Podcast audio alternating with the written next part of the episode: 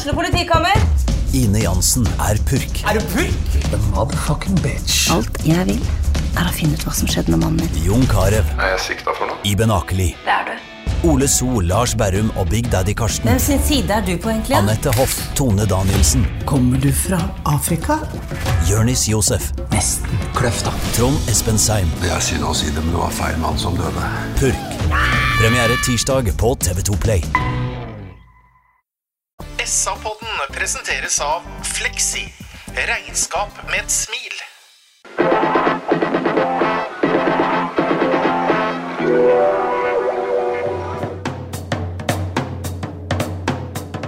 Sarpsborg Arbeiderblad gir deg en ny episode av SA-podden med Sven René Nygård, Øystein Weber, Petter Kalnes og Bjørn Inge Bingen Nilsen. Godt nytt år, alle sammen, og hjertelig velkommen til en ny sesong av SA-podden. Sarpsborg Arbeiderblads fotballpodkast. Og hjertelig velkommen til et nytt uh, fotballår. Det ble innleda med at Sarpsborg 8 trente i Østfoldhallen for første gang i 2024 i dag. Her sitter uh, et fulltallig lag, for i motsetning til mange andre lag, så bytta ikke vi fra ene sesongen til andre, så her sitter Bjørn Inge Binge Nilsen. Det er kontinuitet, det, Petter. Takk skal du ha. Hei, hei. Hei og godt nyttår, I Binge. like måte. Alt er bra. Alt er bra med Ja. meg. Jeg er verre med Sven, tror jeg. Han er litt sliten, men det går bra, tror jeg. Der sitter Sven, ja. Ja, alt er bra med meg òg, men det er nok verre med Bingen. må jeg slå tilbake til. For han har fortalt hva som har skjedd. Han har ja, blitt dratt opp må- med heisekran oppe i Kuldasparken. Han sklei på isen. Det er idrettsskade. Bingen ramla var ute og trena. Det går fint. Godt nyttår, Sven. Og Øystein Weber har også kommet seg helberga gjennom jul og nyttår. Alt er bra. Godt nyttår. Godt nyttår. Jeg heter da Petter Kalnes og skal også i 2024 være vaktmester for denne her eh, ja, noe eh, merkelige samlinger av fotballeksperter i gåsetegn. Før vi starter eh, diskusjonene, så har jeg lyst til å si følgende. Fotball det gir oss eh, gleder. Det gir oss aller mest gleder. Men fotball er også mye annet. Fotball er kameratskap, fotball er tilhørighet, og fotball er samhold. Det siste fikk vi et godt eksempel på fredag, da Sven Bingen og undertegnede var til stede på Kenneth Ingses begravelse. Det var en sterk opplevelse. I kirken var det fotballspillere, det var fotballedere, fotballtrenere, fotballfedre og -mødre. Det var rett og slett fotballfolk. Alle visste vi Kenneth den siste ære. Det var både sterkt og det var vakkert. Aller sterkest for meg var da SFK-ere med SFK-skjerf sto oppstilt som æresvakter da båra, som også var prega av et skjerf i blått og hvitt, ble båret ut. Fryktelig trist, men også veldig fint. Og det viste oss enda en gang hvorfor vi er så glad i fotballspillet. Vi lyser fred over Kenneth Tingsrøds øh, minne. Hvil i fred, målmann. Det var litt uh, spesiell innledning, Øystein, men uh, Fint sagt, eh, Petter. ja, litt uh, rørende var det også, kjenner jeg. Men eh, livet går videre, ballen ruller videre, og vi starta dagens diskusjon med å, som vanlig, Øystein, se litt på helhetsinntrykket av det Sarpsborg 8-lag, eller den stallen som innleder sesongen. Hvordan vil du liksom bedømme den? Nei, Jeg syns det går an å si at uh, vi har et godt uh, utgangspunkt. Uh, vi har blitt vant til de siste åra at det er fryktelig mange utskiftninger hvert år. Eh, det er vel grunn til å kanskje både tro og håpe at eh, eh, det stikkordet Bingen ga i stad på introduksjonsrunde her, kontinuitet, er litt mer fremtredende nå inn i 2024. Og det kan fort bli bra, det. Mm. Men det er eh, 26 mann som var på trening i dag. Og det er aller fleste av dem er jo, som Øystein sier, det er eh, spillere som også var med i fjor. Men eh, 26 mann høres mye ut. Ja, det høres eh, umiddelbart veldig mye ut. og Nå fikk ikke jeg vært og sett den treninga, bare så det jeg har sagt med det samme, for jeg har vært på jobb. Men, eh, men det er klart at vi Jeg ser veldig positivt på ting. Jeg vet ikke hvorfor jeg skal stole så ille på den der Hampus, jeg har jo ikke noe grunn til det ennå, men det er et eller annet rundt han som gjør at jeg syns det her virker spennende. Og når han er, han, han er liksom litt kjepphøy og går og sier at det skal komme to klassespillere som går rett inn på laget. Ja, hvis begge de to er klassespillere går rett inn på laget, så tenker jeg at de kanskje, kanskje til og med bedre enn paret Maigård og, og Pascal. Og hvis de er det i tillegg, og vi beholder de andre Stort sett. Nå er det fortsatt uh, usikkert med uttrykk osv., men vi har jo også noen gode forsvarsspillere fra før av. Så ser det umiddelbart veldig spennende ut. Det er ikke noe tvil om. Men Hampus har jo også sagt at han uh, skal jo ikke ha en svær stall, han skal jo ha toppe og spisse med mer kvalitet. Så får vi se da liksom når tida går framover nå, for det begynner å haste litt. Det skal trenes, man skal komme inn i systemer osv. Så, videre. så dette her blir veldig spennende. Men uh, hvis du går tre-fire uker tilbake, når, eller rett etter siste seriekamp, så så jeg ikke så bra på dere. Nå har Berge vet du, som er helt, og mm. så, så, ruller seg på. Mm. Mm. Biggen, han, I intervjuet med oss i dag så sier jo Hampus at han vil det skal spisses. Og han skal ha inn ytterligere folk som skal rett inn på laget og heve det. Det, det må høres ut som noe, noe av det du har predika i lang tid. Ja, og og hvis at jeg skal tolke avslutninga og avslutningsintervjuet til Billborn øh, mm. Ta det siste først, egentlig. Mm. Mm. Så sier jo Billborn at uh, han vet jo hvem han øh, Hampus jobber med. Og det Billborn sier rett ut i intervjuet med deg i dag, er jo at slår det til, så er det veldig bra. Det er eh, heva over enhver tvil, sier han rett og slett. at det er, Jeg fikk nesten gåsehud når han sa det. Han sa at det er, det er voldsomt bra hvis det slår til, dem to offensive som Hampus jobber med. Så får vi se om det, det, eh, det stemmer, og om det slår til, men i så fall så jeg, også, jeg sier sånn, Sven, jeg skjønner egentlig ikke hvorfor jeg har så ille god grunn til å stole på han Hampus ennå.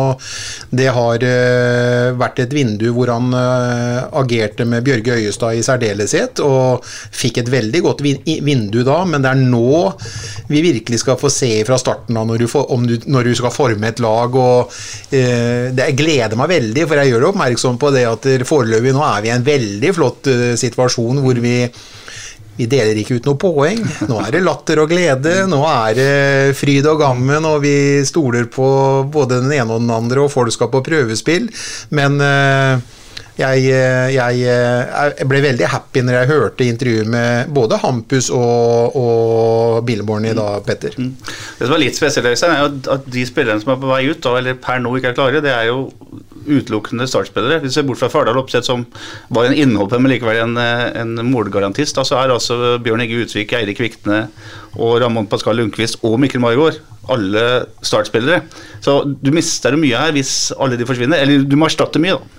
Ja, du må erstatte, du må erstatte og noe har jo allerede kanskje blitt erstatta. Det får vi jo komme tilbake til. Vi kan også komme litt tilbake senere til at, uh, at uh, det har jo vært litt uh, kritikk rundt det å avvente, avvente, avvente, avvente.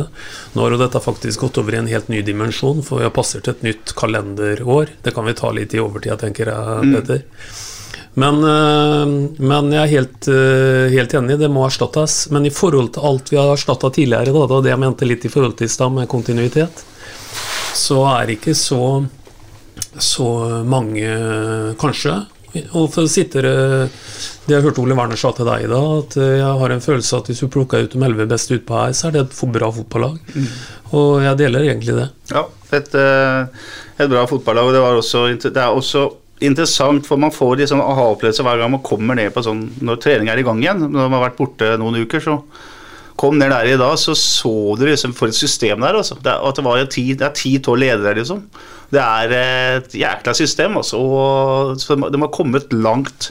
Jeg tror til og med, Sven, at hadde du trena under der, så tror jeg du kunne blitt ordentlig god, du òg. Kunne blitt.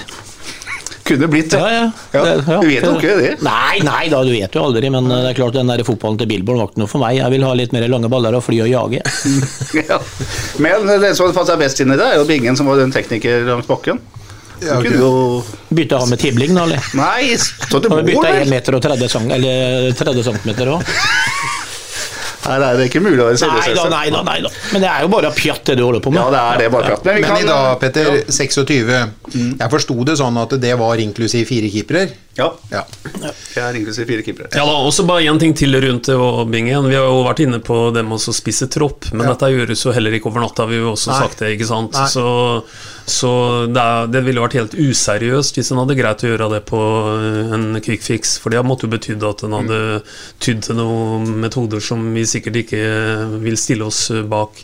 Så det med å på sikt eh, få inn kanskje mer kvalitet og noe mindre kvantitet, det er som sagt en litt langsiktig øvelse. Ja, men uh, likevel så sier jo Hampus langt på vei at eh, det vil skje også ting på at spillere skal ut i løpet av eh, vinteren. Jeg har lyst til at du skal gå gjennom lagdel for lagdel, for ja. det er fort å glemme hvem som er med her. Og så skal vi diskutere oss litt fram til både spillere som må ut, og spillere som, som man må satse på. Men hvis vi starter bakfra, da, så er det nå fire målvakter i klubben. Etter at Simen Midtun Nilsen-bingen, la oss ta ett ord om det først, Ja. har blitt eh, sendt til Ravnheim Ranheim på en permanent overgang. Det høres bra ut for Simen, syns jeg. Det høres bra ut for Simen, og det er opp til han sjøl. Det er ikke noe tvil om eh, hvem som styrer eh, hans, eh, hans talent. Det er selvfølgelig keepertrener, men han har en stor del av utviklinga si sjøl på sine skuldre og i eget hode. Så han er jeg sa, det, det sa jeg for et år siden, at sky is the limit, men han må bevise det sjøl. Du har fortsatt tro på Simen? Jeg har fortsatt tro på Simen. Bra. Målvaktene som er per nå i klubben, Sarpsborg 8 på kontrakt, det er Anders Kristiansen, Leander Røy, Jarik Sundling og så Mamour Ndiaye. 18 år gammel, fra Senegal, som var på sin første skal vi si, trening som i hvert fall eh, 08-spiller i dag. Her har vi noen, eh, noe å diskutere. Det er, to, det er tre unge gutter. Og så er det Anders Kristiansen, da, som er en eh, erfaren uh, eliteseriekeeper. Og så har du da en utrolig spennende kar fra Senegal. Venn nesten meg til deg først igjen, Bingen. Hvordan leser du den eh, kvartetten der? Jeg leser den jo som én for mye. Eh, Så er det jo opp til eh, dem å bestemme hvem som skal være med videre, men sånn i hodet mitt sånn umiddelbart så tenker jeg det at eh, eh, jeg har jo allerede sett han uh, Njaye på trening i, på sensommeren. Og jeg ble jo kjempeoverraska allerede når jeg så han da. og Det var jo noe med han som gjorde også at de Ikke bare jeg så det, men det var flere som så at det her var noe vi må skrive kontrakt eh, med. Han har, eh, han har jo både kropp, lengde, høyde, ydmykhet, eh, føtter keeperteknisk eh, og rekkevidde som, eh, som egentlig det er bare for, eh, for keepertrener å få, få skrudd sammen. Det er, en, det er en kommende keeper. Og så har jo ja, Vi snakker med han, vi, vi begynner med han først, Mm. var det du sa. Så jeg skal ikke ta foregripe noe begivenhet med den andre, men jeg vet jo åssen jeg skulle rangert det som enten trener eller som, som sportssjef i dag. Jeg vet jo hvem, hvem jeg ville gått for som første- og andrekeeper, og rangert en, en tredjekeeper. Det trenger vi jo ikke å vente på. Kom igjen, kom igjen. Jeg, hadde, jeg hadde nå gått for, eh, for eh, to keepere som, eh, som skulle få lov til å bli spilla gode av hverandre. Så ville jeg hatt tre keepere på trening, og jeg ville hatt Njaye og Leander Øy som mine to, to førstevalg, si det sånn. Og så ville jeg hatt Jarek Sundlin som den utviklingskeeperen, som en keeper nummer tre, som, som skulle vært med og, og lært av guttene som er noen år eldre enn seg. Du vil rett og slett uh, selge Anders Kristiansen? Jeg ville gjort det, ja. Oppi huet mitt så høres det litt kontroversielt ut, Sven, men uh, hva tenker du? Nei, altså, jeg, jeg, jeg forstår tankegangen i Bingen. Jeg ville kanskje snudd litt på at uh, så lenge han uh, Njaye er såpass ung, og Leander Øy er såpass ung, så hadde jeg kanskje heller leid ut den yngste, altså Jarek, til å få litt spilletid, kanskje, og hatt far i huset der til stede. Uh, litt med rutina si og ja. Men som jeg sier, jeg ser ikke siste treningen. Jeg vet ikke hvordan det har vært med Anders etter at han har vært skada osv., men uh, det er, det er tre veldig unge keepere. Da. Er, eh, og Jeg tviler ikke på at de kan klare seg bra, men eh, det er noe med å ha en eller annen rutinert fyr i bakhånden der òg, som eh, kanskje kunne vært lurt. Jeg vil bare på, påpeke det at eh, jeg tror ikke en, eh, en eh, skadeutsatt Anders Kristiansen i den perioden han er skadefri, innfinner seg med å være en, en nestor og et, eventuelt et tredjevalg for to fremadstormende keepere som, som Leander Røy og som Njaye. Men jeg tror vel han Anders er såpass profesjonell at han, han, han må jo innfinne seg i det utover en sesong, men han må jo ta opp kampen. Men åra blir færre, fotballåra blir færre, Ja, ja. blir færre, så da tror jeg du har mer godt av å stå på et uh, annet tidspunkt. Men så er ikke jeg som Nei da, alle men andre. det får vi jo bare se. Jeg, Det er- eh, det kan hende det er kontroversielt, men sånn ville jeg ja, ja, ja, men jeg, jeg eh, forstår tankegangen. Men Jeg. grunnen til at jeg sier Dem er salgbare, Petter. Ja, ja. Grunnen til at jeg sier at det er kontroversielt, er at du, du fjerner all rutine her. Så å si alle all rutiner feil. Du, du, du, du står igjen med en håndfull eliteseriekamper på temaen, liksom. Men så stoler jeg på en rutinert keepertrener som har Mm. all erfaring å kunne tilby til dem på treningsfeltet hver eneste dag. Veldig spennende det Bingen sier, syns jeg, Øystein. Men eh, Eller, det er ikke noe men. Ndaye Vi må lære oss å si uttale Ndaye. Det må være sånn. Er det sånn at han enten må bli satsa ordentlig på, altså som én av to, for eksempel, som Binge sier, da, eller så må han uh, leies ut, for han må vel spille fotball? Ja, vi kan begynne med det Bingen sier, at det første vi kan si om dette her, er at det fire er en for mye.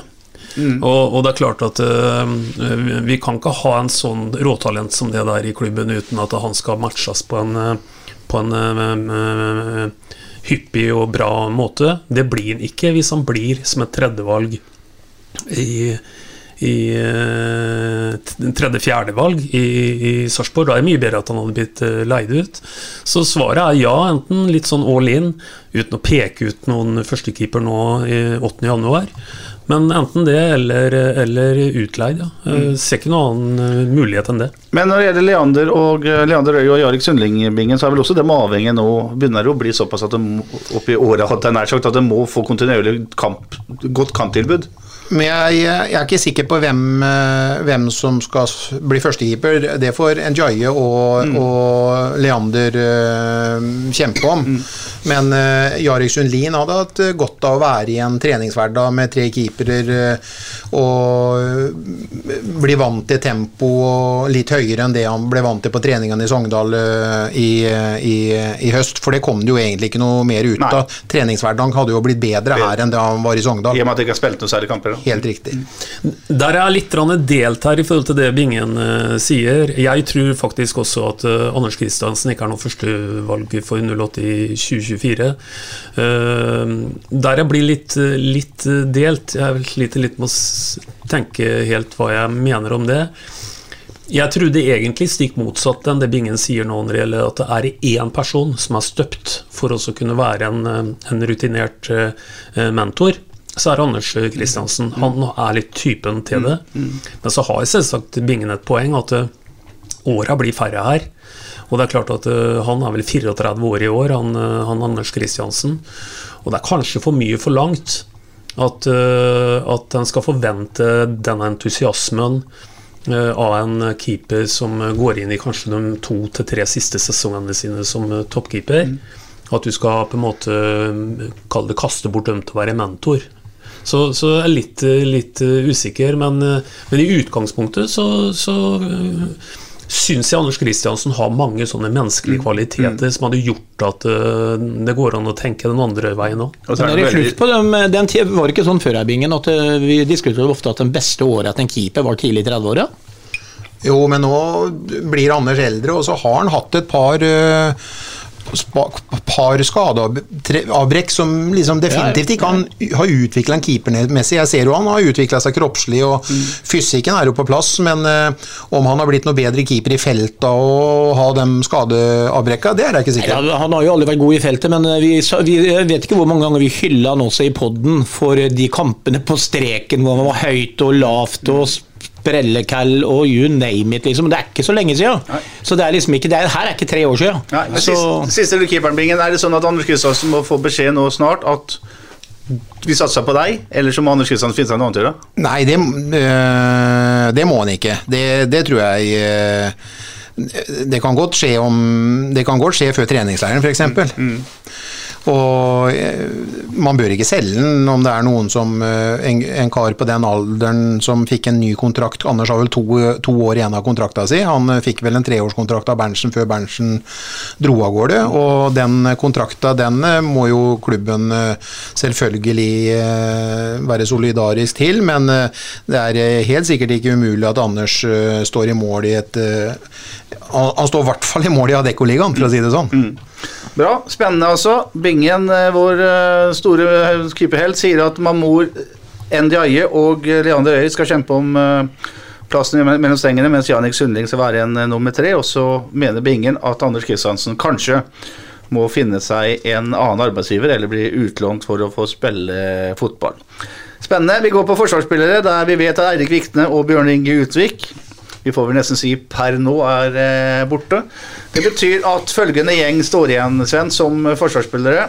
Elias Haug, Arnav Casas, Magnar Rødegård, Anders Him, Peter Reinhardsen, Franklin Tebo, Anton Skipper, Markus Velinder og Sander Kristiansen. Og vi kan begynne med, med Bekkplass, der Anders Him, Peter Reinhardsen er, og vi kan ta med Sander Kristiansen, er de rene alternativene. Eh, det er tre mann, Sven. Vi går ut fra Sander Kristiansen som kan spille både til venstre og høyre. Han har spilt mest venstreback, men er høyrebent. Sander Kristiansen er en opprinnelig midtbanespiller, men det er jo ikke uvanlig at uh, sentrale midtbanespillere blir backer. Det har vi sett på Pep eh, Guardiola òg. Holder det med å gå til sesongen med disse tre? Uh, I tillegg så må vi si at både Magnar Ødegaard og Casa selvfølgelig kan spille back, men det er liksom dem tre rene sidebackene man har. Holder det? Det første som slår meg umiddelbart, det er at dere, hvis vi skal komme eh, høyere på tabellen, så føler jeg at ikke det holder. Jeg, altså. jeg kan ikke noe for det. Eh, Det er ungt, og det er urutinert. Det er eh, litt ustabilitet på dem, eh, selv om Vikne har gjort mye rart hit og datt. Men han har et tungt avbrekk i forhold til det offensive spillet. Jeg føler, meg jeg føler det litt tynt, jeg gjør det. Jeg skulle gjerne hatt en, enten en solid eller Jeg har lyst til å gi Him full sjanse. Han skal bare få prøve og feile. Eh, Men hvis han blir skadelig, et eller annet, så må noen inn der, og da må han Sander inn der. Eh, Så stoler jeg ikke helt på Reinarsen osv. at han skal gjennom en hel sesong være stabil god. Eh, Så jeg kunne ønska meg faktisk en ordentlig god høyrebekk, f.eks., som er safe defensivt og offensivt. Og så satser vi på Kim spesielt på den her venstresida. Det er min første og umiddelbare tanke. For eh, den backplassen Øystein, det er jo i moderne fotball så er det jo liksom Du står, du står ikke back lenger, for det sånn. Er en, en fryktelig viktig rolle i et lag. Ja, ja, veldig, veldig viktig. Og jeg tror at eh, her har vi igjen short, da. Mm. Har vi en keeper for mye, så har vi en back for lite.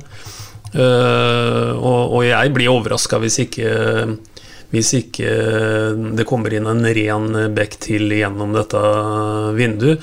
Rett og slett pga. at eh, det er litt misbruk av Casas, egentlig. Og så, og så, er ikke, jeg, jeg føler ikke at det er på en måte den primære rolla hans. Det er mer sentralt. Eh, og, og, og da Hvis vi er enige i premisset ditt, du, Petter, at det er tre backer eh, totalt, da sier det seg egentlig sjøl at vi er igjen short, for, eh, for, eh, for det kommer skader, det kommer kort, det kommer karantener i løpet av en sesong, og, så det høres litt tynt ut. Er det noe tema, syns du, Bingen, å, å gjøre om folk her til, til Bekka? Altså, man har jo f.eks. den nye karen fra Kjelsås, Viktor Halvorsen, som er en knallgod fotballspiller. men Kanskje litt langt opp til å få en plass sentralt på bane. Nei, vet du hva, jeg, jeg er eh, enig med tankegangen til Sven og Weber. Jeg syns vi er én short eh, på backplass. Jeg ville ikke gått for en høyrebekk. Jeg mener at eh, vi eh, det, er vanskeligere å omskolere en, eh, en høyrebent enn til venstrebekk. Jeg ville gått for en venstrebent venstrebekk hvis det hadde vært en mulighet til å gitt eh, Him kamp om plassen for å pushe. Så ville jeg selvsagt også gitt Him eh, Jeg tror han kommer til å eie den, eh, den venstrebekkplassen i alle kamper han er skadefri. Eh, Men jeg kunne gjerne tenkt meg for en eh, backup i forhold til kort og skade. Man vet jo ikke om du trår over eller ryker leddbånd eller bryter benet etter tre kamper, så er jo det Da er vi ute og kjører med én en eneste gang. Så jeg skulle gjerne hatt en venstrebent venstrebekk som kunne matcha Him lite grann, men eh, jeg er enig med Sven i forhold til eh, Nå er det å håpe og tro da at Reinhardsen har gått læretida si nå, for jeg syns han virka litt sånn bryska seg frem og virvla og hadde noen flotte innlegg, og han sto jo bak et mål òg, som var helt fantastisk eh, på slutten av sesongen. Så jeg kunne godt tenkt meg at han høyreiste Jeg liker å gi alle sånn sammenligningsnavn, og hvis han med den bryska seg fram og kunne agert litt på den sida som Manny Kals gjorde i Hamburger Sportsfrein, så hadde det vært bare glede å se en opp- og nedspiller med den pasningsfoten som han visste på det målet i en av de siste kampene. Så jeg har litt tro på hans venn. Og jeg er enig i det, Øystein. i forhold til bør liksom si at jeg er enig hele tiden i alt Øystein sier, altså. Men nå er det faktisk det med Arna Kaosas, så er det å misbruke talentet hans. Og grunnen til at han kom hit, var jo fordi at vi skulle få en, en spillende stopper fra akademiet i Spania som, som var som, som skulle eie, eller som skulle utvikle seg og, og komme og i hvert fall by på litt mer enn det han fikk visst. Han fikk, fikk en vel egentlig midt i trynet, for å si det rett ut. Så jeg håper at han òg har mer inne, og at han har fått akklimatisert seg i forhold til både klubben og, og spillere og trenere, og ikke minst temperaturen. Ja, så du tenker, men da, Når du sier venstrebekk, så tenker du at, uh, ikke en først, et førstevalg, men en backup til Him, altså? Ja, jeg kunne godt tenkt meg Jeg kunne, ikke, jeg, jeg, jeg, kunne godt en som hadde pusta Him litt i nakken, og en som uh, hadde gjort en For jeg tror Him er i upper class, altså på den øvre halvdel av venstrebekk venstrebente venstrebekker i Mm. Eliteserien i 2024, så tror jeg Him vil være en topp eh, Mm. topp fembekk. Topp fembekk eh, såpass krav setter jeg til han i forhold til det jeg har sett av han fra, fra høsten og ut. Mm. Og jeg skulle gjerne hatt en som hadde gått inn og så vært sånn i vannskorpa mellom Adecco og Eliteserien, som kunne vært Ikke den som skulle liksom eh, hatt plassen hans, men en som kunne gått inn og vært en god erstatter hvis Team gikk på den karamellen som vi håper han ikke gjør. Da. Mm. På stoppeplass så er altså Bjørn Inge Utvik per nå ute av det. Eh, da er det fire leide eliteseriestoppere igjen. Og jeg har ikke glemt Elias Haug og Markus Velindre. Jeg bare sier nå at de som på en måte er regna med som startaktuelle, er Arnav Casas, Magnar Rødegård, Franklin Tebo og Anton Skipper. Sven, eh, man bygger alle lag bakfra. Er det her gode nok alternativer til å få, et, eh, få færre baklengsmål? Nei, jeg, syns ikke det. Eh, altså, jeg har for så vidt trua på Magnar, for jeg husker jo Magnar var god før han ble skada første gangen. men nå har han hatt noen lange skader, så han, det er jo ikke noe garanti på for Magnar heller. eh, Kamprusten på en måte i forhold til obligatoriske kamper. Og så må jeg si at eh, jeg syns Skipper har tatt mange steg. Han, han gjorde mange gode kamper også. Han var bare jækla uheldig i en del ting. Ballene traff han i armene, og det var masse ting som liksom ikke var hans skyld. Men så kan jeg jo ikke sitte her med hånda på hjertet og si at jeg stoler fantastisk mye på en Casas, som vi ikke har sett nesten som stopper. Og da, da erstatter vi Utvik med Magnar, eh, og så har vi en Tebo. Eh, Bo og Magnar, eller til Bo og Skipper i en skade, ikke sant? så er vi litt tynne med en gang. Så hvis vi skal ta noen steg oppover eh, på tabellen og forsterke oss framover, så syns jeg også vi må ha en bauta til der for sikkerhets skyld. Jeg kan ikke noe for det. Eh, ære være som jeg sier nok en gang om Magnar, jeg syns han er dritgod, men vi, vi, vi må se om dette her kommer til å funke. Og Casas han legger det egentlig litt til side så lenge. Det er jo en grunn til at han ikke har spilt stopper i hele tatt omtrent, og vi henter andre. De, har- de stolte jo ikke på han når de henta Tebo f.eks. Kunne jo peise han inn, men det gjorde man jo aldri. Så det er klart at det må jo være lov å si at det virker tynt, i hvert fall i min mening. Ja, nå kom du jo litt inn på det etter at jeg ba om ordet her, eh, Sven. For det vi snakker om her, er jo egentlig én stopper vi leter etter, for vi leter jo etter makkeren til Tebo. Uh, Tebo ville vært tatt ut på dette laget i dag uh, hvis Billborn måtte ta ut et serielag. uh, som en av få uh, i elveren. Det er jo klokkerent allerede nå. Uh, så blir jo Casas ett år eldre, da. Og det går jo ja, ja. an å kanskje tenke at eh, at han har, eh, har godt av en, eh, en full eh, akklimatisering som han ikke på en måte fikk. Han ble kasta rett inn og til og med rett inn på en uvant plass etter hvert òg. Uh, kanskje det er uh, paret eh, Casas uh, Tebo. Men uansett så, så er jeg litt i den retningen som Sven er i forhold til antallet, og kanskje litt, litt tynt. For ja, igjen, det kommer til å bli en lang sesong. Det kommer til å bli skader, det kommer til å bli kort. Mm. Vi skal snakke om utenlandskvoter litt senere. og Det er jo registrert tre av fire midtstoppere. Som vi sa, så de fire aktuelle startspillere per i dag er utlendinger. Eh, Kommer det enda en inn, så må noen bort her. Det er ganske overbevist om. For nå er det ni utlendinger i klubben, og det er ni man har lov til å ha på til melding i Eliteserien. Ålreit, vi går videre. Nei. Det gjør vi ikke. Vær så god, Bingen. Jeg må jo si det at øh, jeg er uenig i guttene. Det her er mer enn tjukt nok. Eh, vi snakker om hvem som skal spille, helt riktig, Weber, hvem som skal spille makkeren til eh, Tebo. Og vi må huske på det, vi snakker ikke om, om Magnar som en 4-35-åring, vet du. Etter, hvis jeg tar helt, ikke tar helt feil, så blir Magnar 31 år i mai. Mener han er født i 1993. Og Magnar, han øh, eh, hvis jeg skal kritisere klubben for én ting, så vil jeg si det at den kommunikasjonen som var utad i avisen, eller som kanskje var fraværende i forhold til eh, Magnar i, i høst, den skjønner jeg egentlig litt av. Den må klubben ta på sin kappe.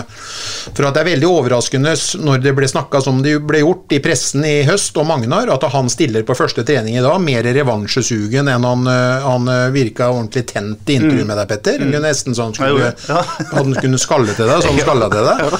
Ja, men han var liksom der. Jeg merka at Ja, han jeg var likte det, likte det opphusen, Han var ja, ja. mer på tærne. Han, Adrenalin hadde han. Og han har kommet tilbake fra to skader, ene med leggbenet i fjor, når han egentlig var på veien tilbake i ikke i fjor, men i 2022, da vi tok de ti seirene på rad med, med vår eh, danske Hagelskjær. Hagelskjær og Magnar var dem to som starta før det ble gærent og Magnar ble skada. Så fikk han en avrivning av brystmuskelen. Ja, du kan lande for kjært, alle vet åssen det er. Men jeg har tro på at Magnar kan gjøre manns jobb hvis han får muligheten. Og eh, Tebo er en god eh, makker å spille sammen med. Tebo må få litt eh, eh, orden på pasningsspillet sitt og sjans, sjansene i pasningsspillet sitt. Det kan sikkert lære. Eh, jeg mener jo at Anton Skipper får lagt et Jeg er sikker på at Anton Skipper får ikke tre røde kort i sesongen 2024 og bli utvist eh, to-tre ganger, eller hvor mye han ble. Jeg, han har potensialet, han har utviklingspotensialet. Vi skal ikke glemme en Elias Haug, vi skal ikke glemme en Markus Velinder. Og Arnav Casas er kanskje den mannen som eh, i forhold til utlendingskvota er den som det er enklest eh, å både få leid ut med rekorden han, med CV-en, og, og få utvikla seg et annet sted. Ikke nødvendigvis i Norge, det kan være eh, Spania, Portugal, et eller annet sted, Sveiterliga. Jeg tror der ligger sånn nøkkelen til å frigjøre én ting enn på kvota vår. Jeg er ikke så redd for at der Magnar f.eks. ikke går i krigen med Tebo når vi trenger det som mest og skal forsvare en 1-0-ledelse. Altså. Men det er jo deilig, Petter. Nå syns Sven og jeg vi er litt, eh, litt short der, og Bingen vil selge en stopper eller to. Så da, Ja, da, ja. er- da Og, og vi har sagt vi har egentlig trua på Magnar, men uh, ja. Nei da. Ja, men du har også sagt at du syns det høres nytt ut. Ja, ja, ja. Men Men, men, som jeg sier, også, så handler jo fotball litt om skader og fravær og karantener osv. osv. Ikke sant? Så det, som jeg sier, ikke noe, jeg, jeg har trua på Magnar, men jeg er bare så redd for at det på en måte liksom skal bli noe mer skavanker skavanker eller et eller annet. Og som jeg sier, han har ikke spilt viktige fotballkamper på lenge heller. Nå får han en hel vinter. Og jeg, Magnar med den kroppen og den derre Altså, de to. Derfor jeg er eh, negativ i forhold til kanskje Casas. Vi så jo noen kamper han var med der. altså Han kommer jo til short i lufta på dødballer imot osv. Så, videre, og så, videre. så liksom, jeg ser for meg Tabo og Casas. Det er liksom Ja, nei, ja, nei det skurrer. Jeg ser at uh, den gamle SFK-keeperen vil ha stoler på dem som er. Gamle SFK-kapteinen vil ha inn enda en midtstopper. Og så er oraklet fra Vetatoppen uh, mer enig enn kap med kapteinen og keeperen. Ja, denne gangen var jeg det. Ja. Noe av nøkkelen til sportssjefen ligger nettopp i, én en, eh, en eh, stopper eh, med utenlandspass ut. Terje, ja. Det, er, det tror jeg du har helt rett i, og der snakka du som en lærd sportssjef, Ja. Bingen. Bra. Da går vi videre til midtbanen. Den sentrale midtbanen, altså de to som vi har blitt vant til ikke sant? i Billborns eh, 4-2-3-1-system. I fjor var det primært Jeppe Andersen og Viktor Torp, iallfall den beste kampen, da Viktor Torp tok steget ned og ble sentral midtbanespiller. Vi forutsetter at han fortsetter der. Så har det kommet inn en eh, svenske, 21 år gamle Aymar Scheer, som omtales som et gigantisk talent. Solgt fra Hammarby til eh, Spezia i Italia for bare eh, for et par år siden som 18-åring eh, for nærmere 20 millioner kroner, og siden blitt utleid til Groningen. Billborn snakker jo, han blir jo helt blank i øyet Øystein, når han snakker om det da. Ja, så La oss dvele litt ved det, da. Eh, Nå, nå har vi akkurat hatt en uh, Pascal på et års gjestevisitt i Sarpsborg, og nå har han reist videre til en storklubb i Tyrkia. Hadde vel ikke akkurat storklubb, men det var vel nest øverste nivå.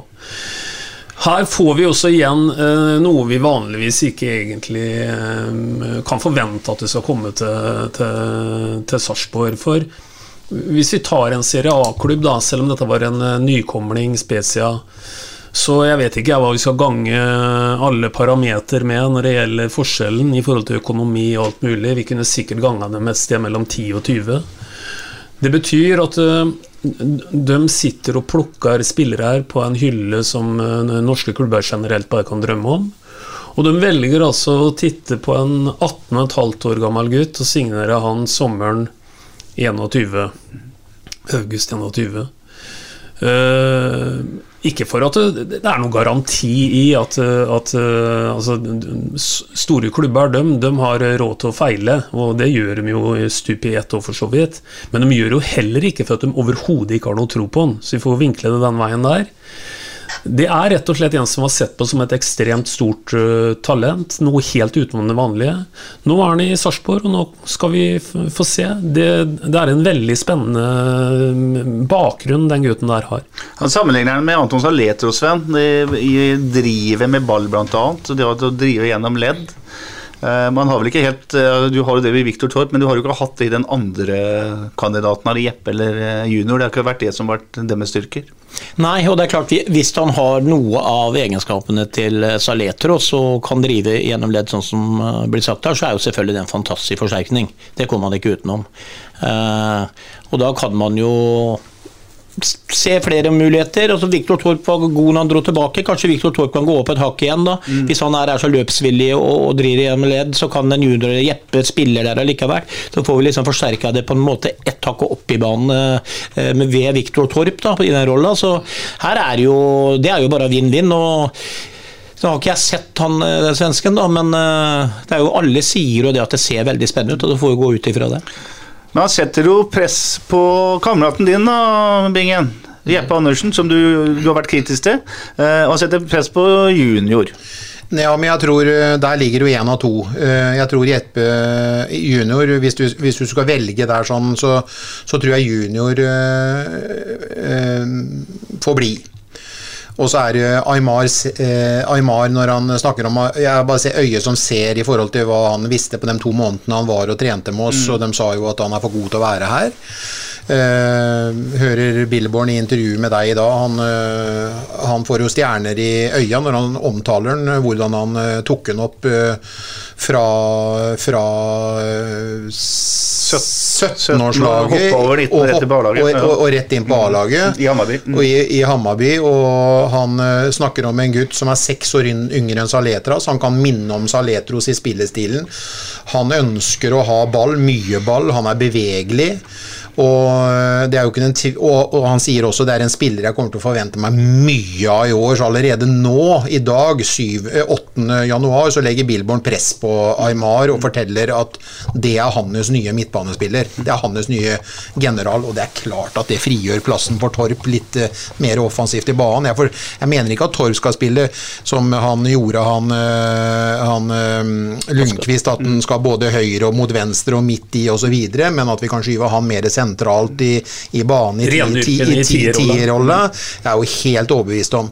Så det er jo en, eh, for meg en forsterkning til, eh, til midtbanealternativene midtbanealternativa våre. Og så har vi jo henta en, eh, en gutt vi mener noe med, en Viktor. Og så har jo øh, Høyland fått operert øh, lysken sin, eller Gilmors øh, groin. Spilte med smerter den gangen han var ute på banen i fjor. Så vi har jo noen Vi har jo en ung profil nå som går Som puster både junior og, og Jeppe Andersen i, eh, i, eh, i, i ryggen. Og så er det spørsmål om eh, ja, Er det råflott å ha så mange på utenlandskvota hvis at du havner på benken i tillegg til å havne utafor? Og er du så god i hodet ditt og er du så merittert at du kan spille for andre klubber enn en 08 når du er, er utenlandsk på midtbanen til Sarpsborg og ikke god nok? Det kan hende, det. Ja, han tar opp det et interessant tema. Kan det være sånn f.eks. en junior tenker at jeg må ha meg en ny jeg må ha en til før jeg gir meg? Jeg tar en sjanse i Kina eller i hvor det nå skal være. Altså, det, her, det er jo en type som kan få muligheter i utlandet og tjene penger. Selvsagt kan det være sånn. Jeg tror alle de som er på altså Alle de som begynner å nærme seg slutten av karrieren sin, og, og en tenker at det har et eh, visst potensial, her, drømmer om å få maksimert eh, den eh, relativt korte fotballkarrieren som tross alt er. Så det går absolutt an å tenke. Det som, det som er litt spennende her med han Aymar skjer da, det er jo at, at det er vel grunn til å tro at at vi får inn en dimensjon til i den eh, sentrale låsen der, da, og det heter noe mer tempo. Mm. han, er, han er en veldig fotrapp eh, type. I hvert fall sånn som jeg har lest meg fram til så langt. Og det, det er klart at det Både Jeppe og til dels junior har jo litt å gå på der. Vil si, de har ikke litt å gå på der, for de vil aldri bli raskere enn det de er. Men, eh, men eh, hvis vi får inn en som på en måte har den dimensjonen i tillegg, så, så vil det være bra for kollektivet. Det er ikke noe tvil om. I utgangspunktet så er Armar Scheer, eh, Viktor Halvorsen, den nye karen fra Kjelsås, som Bingen så vidt nevnte, Martin Høiland, Jeppe Andersen junior og Viktor Torp de sentrale midtbanealternativene per nå. Eh, kort, Sven. Eh, som vanlig når vi snakker om eh, fotballspillere i Sarpsborg 8, så snakker vi om offensive kvaliteter. Hvis jeg du tar dem jeg nevnte nå, så er Martin Høiland den mest defensive, sånn jeg tenker det. Og Junior har også gode defensive egenskaper. Ellers så er det offensivitet det går på Ja, her. Jeppe er jo, jo, jo, men han er jo, jo, men han går på noen dybdeløp, men Ja. det er jo ikke veldig mye Nei. og. Spørsmålet mitt er eh, mangler vi den der eh, Eller mangler dem, den der ryddegutten, den som står på midtbanen der og holder fortet? Når alle andre går i angrep? Ja da, det, det gjør de jo helt sikkert, men ikke i Billborn som fotball. Nei. For Billborn eh, ofrer ikke en ryddegutt som ikke har de egenskapene med å, spille ball eh, som Billborn-fotball skal være, tror jeg. Så det går på bekostning, og det, han stoler på at de dømmer ballen mest, og at de skårer mer mål enn motstanderen. Mm, Men junior, spesielt eh, 22-utgaven av junior, var jo det- selve grunndefinisjonen på en ryddegutt. da. Eh, han, eh, Da han var i form, ja. Han, han var i Ja, han og Saletros. Ja, ja. Og jeg ser jo for meg at der, han skal være med å kjempe om den midtbaneplassen i sammen med Aymar. Men jeg kan, jeg kan ikke si at jeg føler ikke at Saletros var en ordentlig ryddegutt, men han løpte mye, tok mye defensivt. Ryddegutten. Jeg syns du sa nei. Petters quiz. Nå skal vi introdusere en ny spalte i eh, SA-podden, og dette her har jeg gleda meg til helt siden jeg lille julaften kom på ideen om at uh, spalten som uh, har fått navnet Petters quiz, skal ah, fy faen. Når fikk det du- mye morsomt. Du fikk, du fikk den ideen sent på lille, julaften Ja, da fikk jeg den ideen etter å ha sett på Grevinnen og hovmesteren, for da tenkte jeg på dere tre. Ah, fy faen. Så som dere skjønner, kjære lesere, seere, så er det ingen Lyttere. Lyttere, for rakkeren. Det er ingen i dette rommet foruten meg som har visst om dette temaet. Så hver eh, utgave, hver episode, så kommer jeg til å stille dere et eh, spørsmål. Der dere forhåpentligvis ikke kan svare. Nei, men- kanskje men- blir de klokere. Jo, men bare følge opp grevinna hovmesteren. Og da vil jeg tippe at eh, jeg har han butleren, og så er det Sven ho blinde som sitter der og blir servert. Mens bingen er det huet du snubler i hver gang du skal hente deg Ja, noe Særlig sent på lille julaften. Ja. Så har bingen det huet som ligger rett ut. Ålreit. Debutspørsmålet, premierespørsmålet i denne spalten, er følgende. 10. juli 1904 ble den første fotballkampen mellom eh, bylaget fra Sarpsborg og Fredrikstad spilt. Etter det så har de spilt 149 kamper til, altså mellom eh, Fredrikstad fotballklubb og henholdsvis SFK, Sparta og Sarpsborg 08, altså det som var bylaget i byen vår. Spørsmålet til Øystein Weberg, Sven René Nygaard og Bjørn Inge Bingen Nilsen er hvor mange av disse 150 kampene, altså serie, trening og cupkamper, har endt med Sarpsborg seier, blåhvit seier? Eh, og det kan, det kan jo resonnere litt her, for det går an å bruke huet litt. Ja, det er, nå er jeg spent på om du skal bruke huet på den. Skal vi tenke fra 1905, hva skjedde da? 1906, Nei, da må 07? du tenke sånn at uh, Sarpsborg 08, Sarpsborg bys beste periode var da og da. For Og da eksempel- bør vi huske mange det var, Ja, riktig. Ja, du vet jo cupseierne 48, 49, 51 og 52 for eksempel. Det er Ja, det er fire sikkert. år der, jeg, jeg kan svare først, da. Jeg kan tippe først. Ja. Altså Sarpelag mot Fredrikstad. Må dessverre si det sånn at det var 150 kamper. Mm. Da tror jeg vi har vunnet 65 av dem. 65, det er slett ikke noe dårlig tips. Har dere eh, noen andre forslag?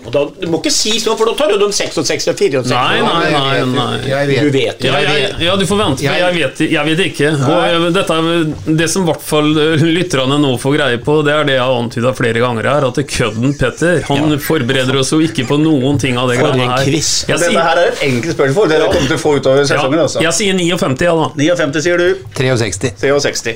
Og det er slett ikke verst. og Jeg lar Sven få ære her, for Sven eh, plasserer skapet på fin eh, måte. Det er 50 Ja, han gjør jo det. Plassere skapet på fin mote? Måte, ja. Mot, oh, ja.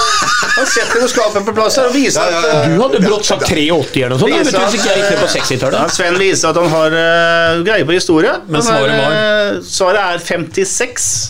71 ganger har uh, FFK vunnet. Ja, men hør på meg, da. Slapp av, du, Hans, Du sitter og ser i arket, Ja, Øystein. men hør på meg, ja. Det jeg mener med at han Sven, Sven plasserer oss i riktig leie, og så kan dere tippe opp og ned. Sven er, jeg syns Sven er vinneren her, faktisk. Takk, takk. 56 ganger har Sarpsborg vunnet, 23 ganger har endt uavgjort, og 71 ganger av en eller annen merkelig grunn så har eh, FFK da vunnet. Så Bingen, nå holdt ikke å være nærmest engang nå. Nei, Så nå, fra og med du må legge vekk fra og med nå så må dere begynne å forberede dere på, poden. Og veldig ofte så kommer disse spørsmålene til å være relatert til det som skjer, selvfølgelig. Siste uka, eh, sesongen som har vært, osv. Men Petters quiz er da en ny spalte i denne berømte Ja. SA. Og nå er den slutt, eller? Ferdig nå?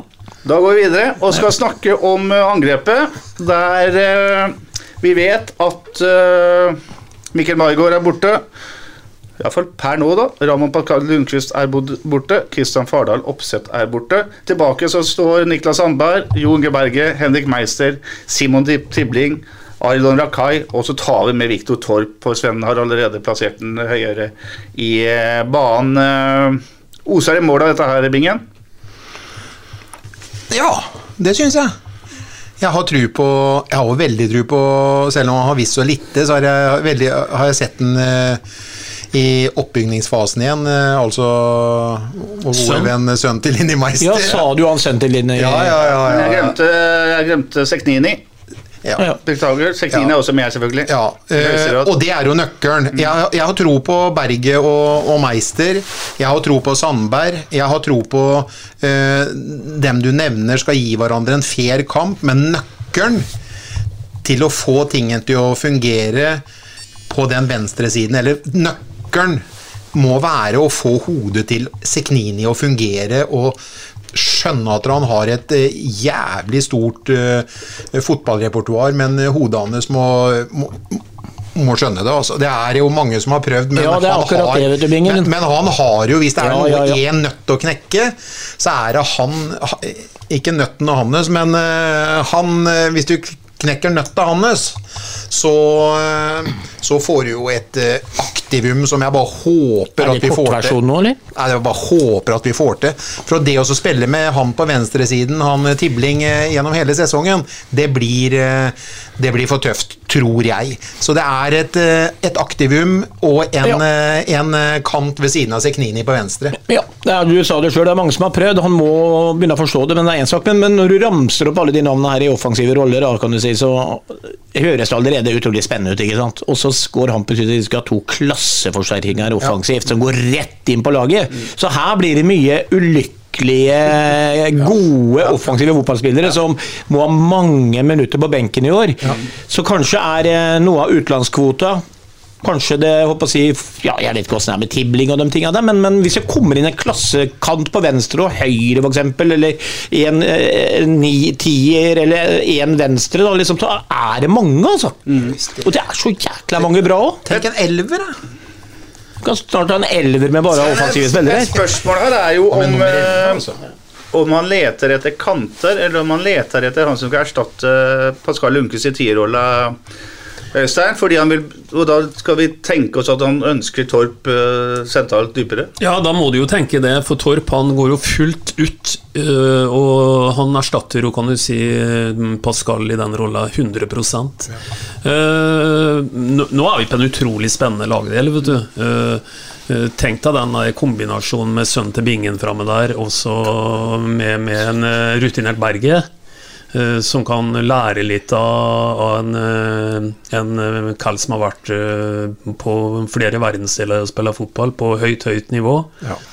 Det, det blir utrolig spennende. Og så har vi kanter Jeg er jo litt enig med Bingen at Seknini har ikke helt eh, slått det som jeg hadde forventa, men, men potensialet hans er der. Niklas Sandberg er en favorittspiller for meg, så, så, så vi har sjelden vært bedre s- skodd offensivt. Og hvis vi da i tillegg legger til, som guttene er inne på, da, at eh, her kommer det jo helt åpenbart inn noen forsterkning, for du flagger ikke det Hampus gjør så tydelig, tenker jeg, hvis det hadde endt opp i null. Så her kommer det noe ytterligere, og da står vi med den.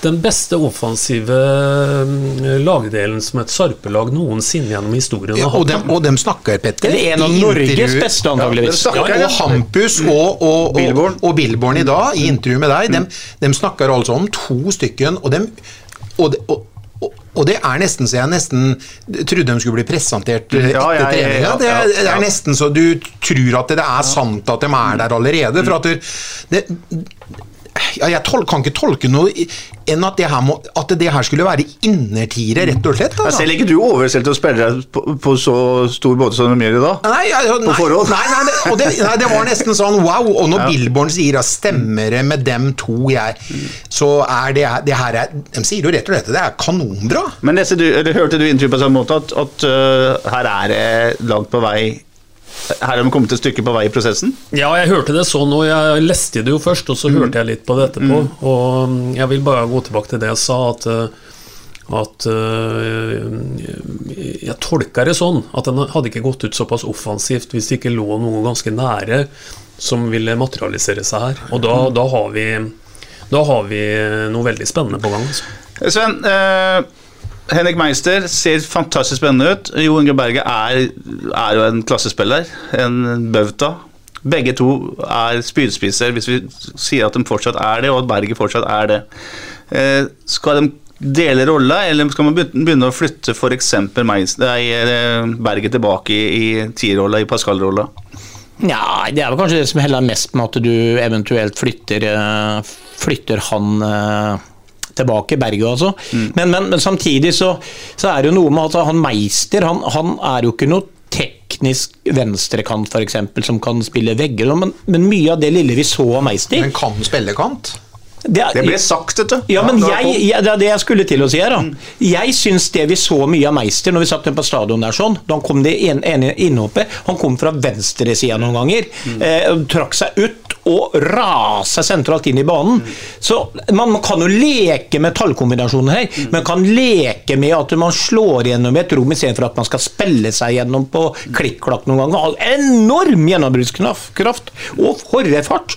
Ingen som stopper han. Og så er jo Bergen mye, sannsynligvis mye bedre med ryggen mot mål enn det eh, Meister er, med tanke på rutine og Ja, Bergen er jo- er jo helt rå. Altså, nå, du, vi så den situasjonen med keeper en gang som sprakk, for keeperen ikke mm, med hender kunne få tak i ballen. For der var berget imellom, liksom. Han, han, han, han skjermer, han ordner, han gjør det vanskelig for motstandere. Binder opp forsvarsspillere.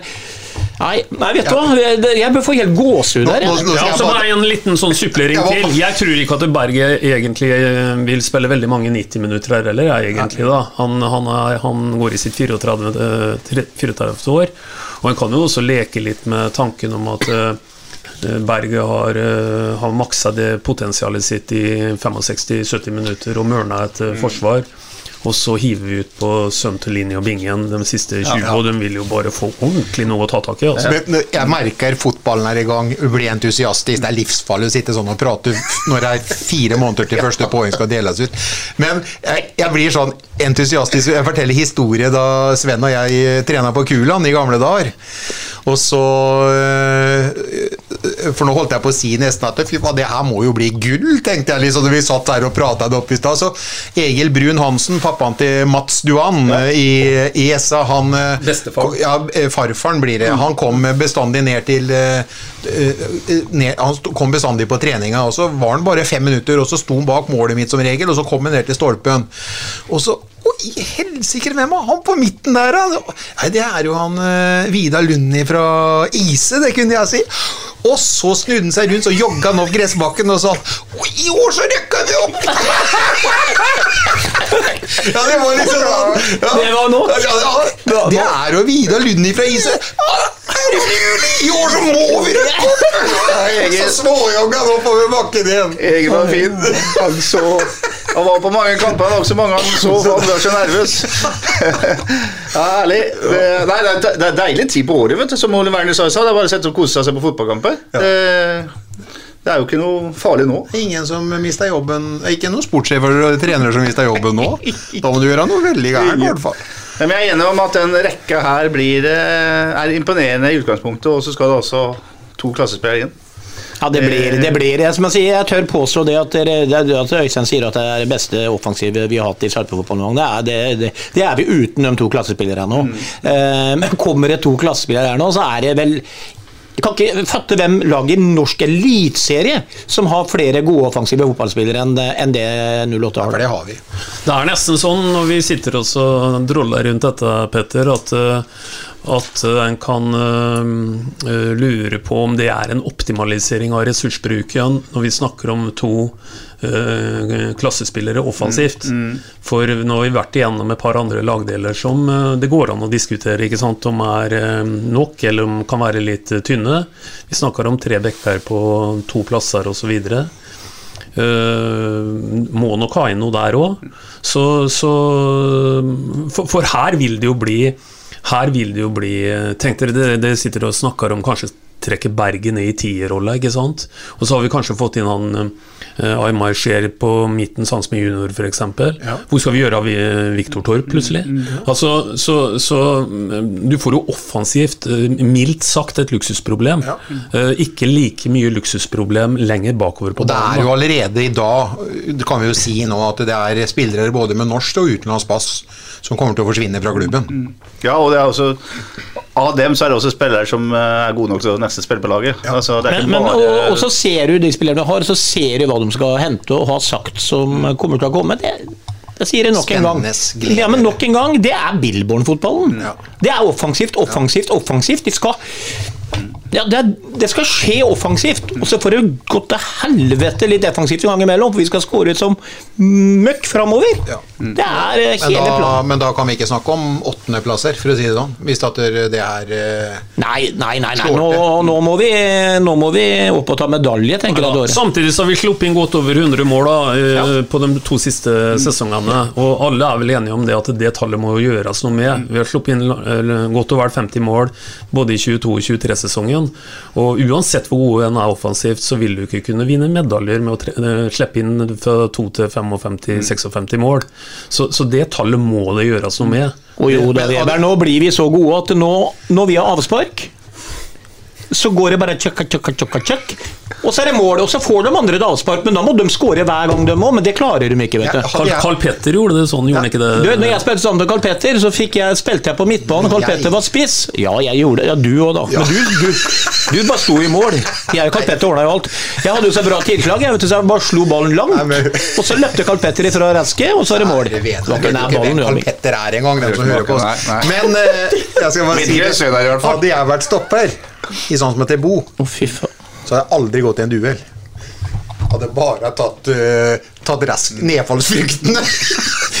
Han mener jeg er uh, stjerne. Dem som, dem som får muligheten til å spille god i sammen med Bo, dem, uh, dem bokser. Men du antyder altså at, du, at det er noe rart at man skal hente to offensive til.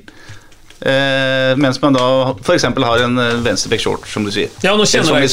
Ja, men øh, kanskje vi kan si som Ole Brumm, ja takk, begge Ja, deler, da. ja, ja. Ikke sant? Og har en ressurser til oss til oss å løse alt, så, så er det fint. Mm.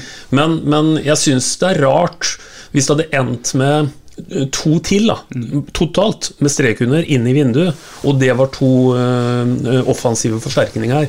Da ville jeg kanskje ha prioritert minst én av dem øh, defensivt. Mm. Men det kan hende at, øh, at de har tenkt den tanken sjøl. Ja, eh, Og så sier jo Hans Petter òg, vi må ikke glemme styreformann her eh, i intervjuet i dag. Styreformann sier jo det at vi er jo i en posisjon likviditetsmessig nå på at vi, vi kan tenke både to og tre, fra, to, to og tre år framover. Så vi er jo i en flott posisjon økonomisk om dagen nå. og det har vi også, det har, Bevis på det har vi jo fått når det gjelder Viktor Torp. Der er blitt sagt ganske klart at eh, han selges ikke hvis ikke det kommer et ordentlig bud. Og han er vel neppe god nok Sven, til å spille i eh, et sted der man betaler 60 millioner for den, kanskje. Men eh, han selges ikke for 15, tror jeg, som de eh, tenker. Nei, nei, nei, det tror jeg ikke. Bra, men eh, vi har vært innom det, og vi må se på utenlandskvota. Du har også lov til å spille med ni mann i Eliteserien. Eh, Mamour Endraye, eh, Anov Casas, Anton Skipper, Viktor Torp, junior Jeppe Andersen, Henrik Meister, Simon Tibling og Aymar Scheer er ni. Eh, enkelt og greit, noen må ut hvis noen skal inn. Ja, det er jo ingen tvil om. Klarer vi å tenke noe høyere enn det vi har gjort om hvem som Ja, av Bingen har jo som mer eller mindre Ja. solgt Casas og alt, så da er jo han nedi Ja, men jeg, jeg, jeg skal bare jeg, altså, eh, leie, leie ut Casas da, eventuelt. Men så spørs det om det i forhold til kontrakten som sto når de henta han, for det var jo et skup, og om det er interessant for han osv. Det er en annen sak. Og så kaster jeg inn en brannfakkel nå, da, men eh, jeg kan ikke noe for det. Men hvis, vi liksom, hvis det kommer to offensive klassespillere her, og kanskje en av dem er en kant, f.eks. da. Det er stygt gjort, men da ville jeg tatt ut Tibling. Det er ikke stygt, det. Det er sånn fotballen er. Ja, ja, men, ja, ja, men Du tenker jo Tibling som en sportssjef. Jo, ja. Tibling og Casas Per nå, Casas låne ut, vokse seg større, bedre, altså ikke høyere, men ja. Og Tibling må gå på bekostning av han derre fantastiske nye landslagsspilleren som nå kommer på venstre kant, f.eks. Ja, sånn er jo fotballens verden, og vi vet, eller har hørt, at øh, systemet rundt Casas ikke er spesielt fornøyd med at han ikke har spilt mer fotball, og han må jo også spille fotball, selvfølgelig. Ja, og jeg syns det er altfor tidlig også å si noe rundt han, egentlig. Jeg for, um, for uh, I motsetning til Tibling, da det, Ja, men du må ta ut to. Hvem annen skal du ta? Jo, men hør nå. Jeg syns ikke det med Tibling var så kontroversielt, Nei, nei. eh, Sven. For han er en han er en, en på høyden aldersmessig og, Ja, ja. og sånn. Kasos er jo i en alder hvor du kan Ja, ta ja, ja. kjempestore Ja, ja. steg fra én sesong til en annen, bare i kraft av at du blir et år eldre. Jeg vil gjerne se Casas litt, og jeg utelukker ikke at Casas spiller bankers stopper i 08-24. Gjør han det, så er det jo en glede. Og Ja. da er det jo et salgsprosjektpotensial som eh, alle spådde når han skulle komme. Men da må det bli eh, Jeppe Andersen, da. Og der eh, t- Bingen tipper, eller vedder 1000 kroner med eh, Claes Tofte om at uh, Og så var det at hvis Sarpsborg blir Hvis Fredrikstad blir bedre enn nummer åtte, så taper du. Nei, hvis Fredrikstad blir bedre enn nummer åtte. Ja, så taper du. Ja.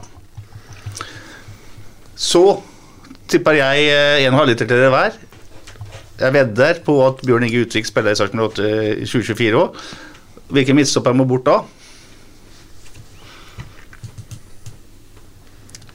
Nei, da Nei, det vil jeg ikke si engang. For jeg, han har jeg helt uh, Han, tenk, han, har jeg ikke, han har jeg ikke tenkt Det blir som en av quizene dine. Vet du, Ja, det bare han har ikke trynet på tenkt- oss. ja, Han har ikke tenkt på skal være med oss lenger, egentlig. Poddens overtid. Det Bjørn Inge Nilsen sier der om Bjørn Inge Utvik, kan vi jo bruke litt i overtida, Øystein Weber. Og det er jo ikke første gang vi snakker om spillere på utgående kontrakt i den programposten. Eh, Tror du som eh, Eller tenker du som eh, Bingen at Utvik er persona non grata akkurat nå? Nei, jeg er veldig usikker, men, men som jeg var litt inne på tidlig i poden, og bare for å brodere det litt rann, Bingen begynte jo også å få sånn delirium 24 timer etter at at disse Bosman-spillerne var inne i kan du si, den seksmånedersperioden hvor de kan begynne å gjøre sine hoser grønne, som det heter, for nye, nye lag. Og så har jo tida gått, Bingen, og den har gått og den har gått og den har gått. Jeg har ikke blitt så, fått så veldig høyt blodtrykk av det, for, for, for det er på en måte Det er en del av det som er, er fotballen. Men det jeg syns er spesielt nå, det er at det nå har per definisjon disse nevnte guttene faktisk null i lønn. Eh, Hvis ikke det er ordna noe som ikke vi kjenner til rundt bordet her. ikke sant? For kontrakta gikk faktisk ut 31.12. Og da syns jeg spillet begynner å bli ganske høyt. Hvis du, hvis du venter eh, det er, det er jo det som er åpenbart, da. Det er jo at det har jo ikke vært noen som har vært interessante nok for dem, eller at tilbudet har ligget der til at det har på en måte blitt signert noe annet. Det er jo faktum. Så med unntak av Lundqvist, så, så har jo ikke de fire andre eh, det blir tre andre da, på mange måter. Eh, Utvik, Vikne og, og Maigård har jo ikke, så vidt vi kjenner til, eh, signert noen ting. Og da begynner det egentlig å bli litt spesielt, for, eh, for eh, nå syns jeg egentlig at klubben kan kan eh, skru til skruen egentlig på en helt annen måte, egentlig. Eh, for nå, nå er det ikke gitt at de egentlig skulle skulle nå, nå dikterer de kan du si, fremdriften i forhold til det med å delta på trening f.eks. Mm. osv. Jeg hører Vikne trene for seg sjøl om dagen, og, og du kan sikkert gjøre det i en uke eller to eller tre, men heldig kan det ikke være. Og, og det er litt spesielt nå når de faktisk er inne i en situasjon hvor de per definisjon er arbeidsledig. Mm. Grunnen til at jeg tør å vedde en halvliter på at uh, Utvik spiller hos uh, Sarpsborg 88 neste år, er det Hampus sier om at de legger uh, stopperjakta litt på is i et par-tre uker nå. Det tror jeg bare betyr at de venter på at Utvik skal svare, og at han kommer tilbake. Jeg tror ikke Utvik får det tilbudet han venter på, men det er bare noe jeg tror og mener, da. For Hampe sier jo det, og så sier han også, Sven, at to utenlandske angrepsspillere skal inn. Og da sier han vel, sånn jeg leser det, at Mikkel Margaard er definitivt tapt. Ja, det sa han vel òg. Ja, han jo, men han øh, Han sier i hvert fall det hvis Ja, han henter inn nye. ja, ja. ja. ja Tolka det på øynene. Så, altså. ja. Mikkel Maigård er ferdig, eh, og det er jo litt trist, selvfølgelig. Men han er erstattbar, vet du. Mye målpoeng, da. Men i spillets fase til enhver tid så eh, kan han erstattes. Det, det er målpoengene som har holdt han mest oppe i mine øyne. For han, jeg syns han har hatt mange dårlige fotballkamper, men han skårer jo plutselig ikke sant? og legger noen legg som og Det er jo selvfølgelig viktig i fotballen. Men kan du ikke si at han på en måte til enhver tid har heva laget spillemessig? Eh, I mange kamper hvor han ikke har tatt poeng, så har heller ikke Maigård vært veldig synlig. tenker jeg. Så det her det går greit, Maigård, og det går nok bra for deg videre. Vi har jo gjort mye fokus på dette med utgående kontrakter, eh, Bingen. Eh, og det er jo min yrkesgruppe, må jo ta litt av skylda for det, kanskje. At det har vært litt mye, masse fokus på det. I forrige uke så dukka det opp et case der Gjermund Aasen, som er i eksakt samme situasjon i Lillestrøm, altså på utgående kontrakt, plutselig var eh, i samtale med Sarpsborg 8 på Sarpsborg stadion. Det, det viser jo at dette her er helt vanlig innen toppfotballen. toppfotball. Ja, men samtidig så liksom fikk jo Utvik, ettersom jeg, hvis jeg er sitert riktig, eller hvis jeg har eh, fått med meg alt i føljetongen Utvik, så kom vel det første kontraktsforslaget ja, allerede i sommer, eller? Ja. Så det har jo gått altfor lang tid. Derfor har vi jo ikke snakka om han bevisst i dag. Jeg anser han som lost, eller at han, han er ikke med i planene våre, så vi går videre med dem vi har, og så er guttene våre der sånn. Ja, men Gjermund Aasen tok en eh, tok en rå en og fikk sikkert opp eh, lønna si på en eller annen måte for at han ble på Åråsen. Ja, det er jo sånn det er, og det er jo lovlig det. Det handler jo ikke om eh, Det handler, det, det handler jo ikke om klubbfølelsen, det. Eh, Den ligger nok i bånn at han har spilt der eh, etter han kom fra Rosenborg, eh, vår kjære venn Gjermund Aasen, men til syvende og sist så var det et ønske om å få en høyere lønn, at han tok turen en onsdagskveld i forrige uke til, til Sarpsborg stadion. Var det en litt sånn ny situasjon for Sarpsborg-fotballen Ikke ny, da, men at det plutselig var så mange samtidig at det, det ble så fokus på det? Ja, det er vel kanskje det at det var mange samtidig, og så var det mange samtidig som vi var inne på i stad, som har spilt i førsteelveren i tillegg. Så, så det, var, det var, kan du si, særdeles viktige, eh, viktige spillere. Men, men, men case isolert sett eh, kan vi jo bare drømme om at vi ikke vil oppleve eh, på nytt. For, det, for dette er en del av fotballen. Kontrakta går ut. Du drømmer om å maksimere eh, hva du kan få ut av en kort karriere. Og, og det er det det egentlig koker ned til her. Det jeg syns igjen er litt spesielt nå med dette som skjer i Sarp, det er at eh, vi bikka til og med et nytt år, og faktisk eh, kontraktene er per definisjon løpt ut. Det, det, det trodde jeg ikke. Jeg trodde at det skulle liksom på en måte komme en avgjørelse uh, når den tida kom. Ja, og for å si det sånn, når det skjedde i tillegg til at vi bikka et nytt år etter føljetongen med dem to, så er vi, vi må jo med hånda på hjertet bare liksom bare det handler jo om at vi er førstevalget lenger nå. Nå skal alle andre muligheter eh, siles ut før vi skal skrive under en ny kontrakt for 08. Ja, og for da å- syns jeg faen ikke du fortjener det. Nei, også Bare for å understreke det, da, så er det jo ikke bare at vi ikke har førstevalget, Bingen, men vi er jo så til de grader ikke førstevalget at du er villig til å gå ned i null i lønn for å vente på noe som ennå ikke har dukka opp. Nå sier de det, Sven. Eh, jeg tolker Bingen sånn at hvis Utvik kommer gående med bagen nå, så kan han ta bagen sin og gå hjem. Hva tenker du om det? Nei, altså, Er du som supporter nå så lei det greiene her at du ikke, vil ha den inn på Nei, men vet du hva? Har, fo fotballen har blitt sånn i dag at du kan ikke bli lei sånne ting. Altså, Se rundt dere sjøl, les aviser, se på overganger i engelsk fotball, se på Rolex-klokkene de kjøper, se på ditt, se på datt. Altså, jeg elsker å jobbe i den barnehagen her, men hvis en barnehage kommer og gir meg 700 000 mer i lønn, så begynner det der med en gang. Ferdig med det. Du bruker vel ikke et halvt år på å Nei, bestemme men, det? men sånn har fotballen blitt. Hvis det, også har vi agenter Nei, nå synes jeg faen, nå er Nei, du ikke La meg preke nå! Nå er du ikke kaptein. Eh, og så har vi dette med agenter oppi dette her, ikke sant? Som kanskje sitter der og forteller Vet du hva, jeg har noe på glid. Du kommer til å tjene det og det. Men vi må ha is i magen. Og så videre, og så videre. Moderne fotball. Når begynte vi å si fotball er ferskvare, f.eks.? Kommer til en klubb, er helt hos klubben, flyr av gårde til en ny norsk klubb, går til Molde, Hagelskjær. Elsker han her. Nei, går til Molde for mer lønn. Altså, jeg, jeg, jeg gidder ikke å være så opptatt av det lenger. Jeg vet at mange supportere er uenige med meg nå, men fotballen er blitt sånn, Petter. Det handler om penger, om agenter som skal tjene sine, og skal gjøre at spillerne tjener mye mer i lønn. Har et håp om at det går Om han står over en måned Januarlønna, Øystein Han tjener sikkert dritbra der fra før av. Jeg kan ikke slå over den lønna. Men hvis han da får en kontrakt om en måned Pengene er investering for dem, det. Ja da, og jeg, jeg er ikke der, Petter, at eh, hvis han hadde kommet tilbake nå, så hadde jeg sagt et eller annet sånn Nei, erta berta, liksom. Eh, Utvik, han, han syns jeg hadde komplettert den troppen her helt eh, perfekt. Men loddet vårt i livet er jo å sitte og spekulere litt. kanskje han lurer oss alle sammen. For, eh, for, eh, for eh, Utvik er jo en familiens mann, og han er jo sammen med dame som kommer fra samme kant av landet som seg sjøl, er det ikke det? Nå leste vi i avisa i dag at gamle, ikke gamle, unge direktøren fra Sarpsborg, Dervis Skadic, han går til Haugesund. Kanskje det er det Utvik sitter og venter på, et lukrativt tilbud fra hjembyen? Ja. Med hjem, ja. Ja, Det det er mye som er sier, men fotball har blitt sånn. Det er dessverre kommet for å bli. Men du lar han altså få plass på laget, hvis han kommer? Eller i hvert plass i stad? Ja, ja, ja, ja, ja. Du vil ikke ha han tilbake? Bingen skal legge den i bakken. Jo, nei, nei, nei. Jo, han, jo, jo, men ja, da Altså, nå er det vi Nå er det, nå er det, vi, nå er det vi som bestemmer. Nå er det vi som dikterer. Han, han, han dikterer ikke lenger nå. Kommer han nå, så er det det er det nye, er det nye ark. Da er det nye kontraktsforhandlinger. Det er et nytt kontraktsforslag. Jeg regner med at det gikk ut nå 31.12.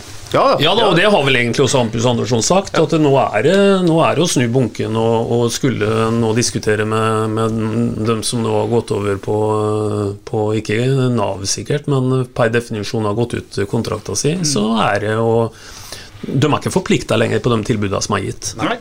Bra. Vi lar det være siste ord i overtid, og så tar vi en liten avslutning på å se litt eh, på norsk fotball generelt så langt denne sesongen. Den siste nyheten i dag er at Frode Grodås har blitt keepertrener i AGF. Klubben til vår venn Patrick Mortensen. Vi har opplevd en uh, Tromsø-trener som viser vel det akkurat det du sier på at uh, fotball uh, det er ikke sånn det gang var. Gaute Helstrup som plutselig blir assistent i uh, Bodø-Glimt. Det er sjokk, eller? Det mister også Det er sjokk, det. Det blir altså som vi Sarpsborg at du skulle ha mista. Franklin Tebo og Stefan Bilborn til FFK på en og samme dag. Men, men som jeg tolker det her med Frode Grodås til AGF nå, at han stikker fra keepertrenerrollen på norske landslaget, ligger i korta nå at Solbakken er på vei ut, eller? det er nok jeg. Fy faen, det nok jeg har tenkt uh, Da hadde han ser mye rart, skjønner du. Ja, jeg vet heller ikke om det går an å kombinere jobben som uh, Men- men jeg- Men når du sa i til Gaute et sjokk, da var du seriøs du nå da? Ja, ja, men Først har du hatt et langt innlegg nå at du lar deg ikke overraske over noe. Sånn er fotballen. Nei, men Kynisme, nei, Rolex-klokker. men- her- Men her blir Jo, du sjokkert. Men hør, ja, men hør nå, Ja. skal jeg begrunne det. Norges beste, mest vellykka trener heter Knutsen i Bodø-Glimt. Den nest mest vellykka, det er Helstrup i Tromsø. To kongetrenere. Som da skal han gå inn og bli hjelpetrener. Det er for meg et sjokk. Men jeg er helt enig i noe av det jeg leser i media. Kanskje ligger det noe i kortet at Knutsen er på vei ut, og Helstrup blir ny Bodø-Glimt-trener. Der tror jeg det ligger. Men hvis du i barnehagen fikk 700 000 i lønnspålegg, så hadde du jo bytta barnehage. Mye tror du Helstrup har økt lønna si med å bli hjelpetrener i Bodø-Glimt? Garantert mye. Også... Jeg, jeg tipper han har fått tre ganger det. Ja, ja. Ja. Det er bare Synsambingen, du har Ja, jo greie på ting. Tror du Og det er jo som jeg sier, altså. Det er, det er penger. Det er fotballen blitt sånn. Men da var det vel ikke så sjokkerende Ja, men det er jo litt spesielt med at Norges nest beste trener går og blir assistenttrener for Norges beste trener. Eh, Det er smør på flesk. Muppershoff, dere to. Dere bare synser Bingen har greie på ting. Fy Han igjen? Eh, det er vel sånn at uh, Kjetil Knutsen tar Ajax-jobben, gjør han ikke det? Jo. Ja, bra. Bingen har skjønt det. Bingen har greie Ja, men det var jo jeg som sa det jo, at det, det, er- ligger jo kort at han skal ut. Men Petter, det som du må fordype deg litt i når du skal skrive et par bøker etter hvert og så videre, og så begynne å trekke inn årene litt og trappe ned som journalist og få noen bestselgere som du skal på en måte leve av, det er hvor mange år av karriere kasta Kjetil Knutsen bort? Det må være interessant, for han som nå er altså den mest gudebenåda treneren i Norge, han er en Mr. Nobody nesten fram til han er 50 år. 50 år, ja. Ja.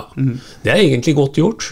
Eh, Jeg kommer ikke på ett lignende eksempel hvor, eh, hvor eh, det greier å få en sånn posisjon i norsk fotball etter å ha vært ingenting fram til det. Sparka i Åsane, det er det siste han gjør. Hvis ikke han måtte gå den veien da, for å bli trygg nok Ja. på seg sjøl osv. Ja, mulig. Han er mange år igjen, Øystein. Se på Roy Hodgson. ja. Det er jo, men det er jo, Vi kan ikke snakke om Kjetil Knutsen, men det- er jo et eller annet med treffet mellom Bodø-Glimt og han òg, da, som er helt, helt unikt. Ja, og det er å hoppe til Wirkola. Hvis nå Knutsen skulle gått til en Ajax, eksempel, da, og så skal Helserup opp og så bare ta over det der nå Den minste motgang er jo liksom nedtur nå, ikke sant? Det, skal vinnes og vinnes og vinnes. Jeg, og- han er nok sterk. Han er nok fotballfaglig dyktig. Ja, ja, ja. Sportssjefen som sitter bak uh, Knutsen og stoler på Knutsen når han kom, og som sitter på benken der ennå og drar i trådene. Jeg vil tro at når Ja, ja. Hva heter han igjen? Han Vinga i gamle dager, Åsmund sønnen til Bjørkan. Bekken. Åsmund Bjørkan.